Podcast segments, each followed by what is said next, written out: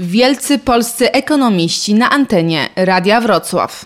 Piotr Toczyński, Narodowy Bank Polski, oddział okręgowy we Wrocławiu. W historii myśli ekonomicznej zapisało się wielu Polaków. Narodowy Bank Polski emituje monety ukazujące wizerunki sławnych polskich ekonomistów, których koncepcje oraz dorobek naukowy mają kluczowe znaczenie dla rozwoju polskiej gospodarki, finansów oraz społeczeństwa dr Tomasz Kopyściański, Wyższa Szkoła Bankowa w Wrocławiu. Stanisław Grabski w swoim życiu łączył rolę naukowca, polityka oraz publicysty. Był bardzo interesującym intelektualistą. Przeszedł bowiem dość szczególną drogę rozwoju swoich sądów i poglądów na tematy ekonomiczne. Na początku był bardzo blisko związany z teorią marksizmu, od czego dość radykalnie odszedł w kierunku narodowych teorii ekonomicznych, aby wreszcie ukształtować swoje stanowisko niezależne. Uważał, że najlepszym ustrojem gospodarczym jest opierający się na własności prywatnej kapitalizm. Jednocześnie bardzo obawiał się etatyzmu, czyli zaangażowania państwa w gospodarkę, co jak sądził było bezskuteczne wobec wyzwań ekonomicznych stojących ówcześnie przed Polską, a mówimy o latach dwudziestolecia międzywojennego. Krytykował zarówno liberalizm, jak i marksizm, widząc w nich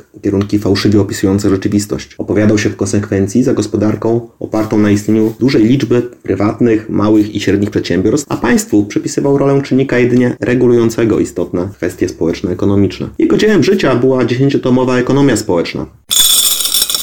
Paweł Dobrzański, jestem doktorem nauk ekonomicznych, pracuję jako adiunkt na Uniwersytecie Ekonomicznym we Wrocławiu. Stanisław Głąbiński, urodzony w 1862 roku w Galicji Wschodniej, można powiedzieć, że był nie tylko bardzo znanym ekonomistą, ale również nie gorszym politykiem. W 1892 roku e, został on profesorem nadzwyczajnym na Uniwersytecie Lwowskim, a trzy lata później profesorem zwyczajnym. Był jednym z najbardziej znanych reprezentantów tzw. Tak historii historycznej szkoły ekonomii, która ukształtowała się w połowie XIX wieku jako alternatywa wobec bardzo popularnej w tamtym okresie klasycznej ekonomii liberalnej. Warto tutaj również podkreślić, że szkoła ta chociaż nie odrzucała wolnego rynku wprost, to jednak propagowała interwencjonizm państwowy. Ekonomia pozostawała u niego w ścisłej korelacji z narodem, z państwem, jak i zjawiskami natury społecznej.